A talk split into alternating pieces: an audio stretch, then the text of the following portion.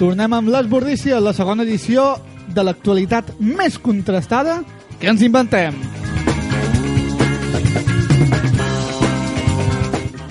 Albert Rivera, nou articulista de Jara i Sedal. El ministre Montoro inaugurarà la revista de corte i confecció. El Nesquik, producte escollit pel 80% de les persones que marxarien a una illa deserta amb només tres coses. El 50% van escollir la mare a falta d'electricitat per la Thermomix. La Universitat de Navarra alarmada per les poques tetes que es veuen en les pel·lícules d'aquest any al cinema espanyol. Proposen a l'Acadèmia del Cinema solucionar el problema fent remakes. Anna, d'Enrique i Anna, escollida com l'artista amb major projecció al menjador social de Boadilla del Monte. La gallina Coco Hueva ha guanyat un concurs de gossos d'atura.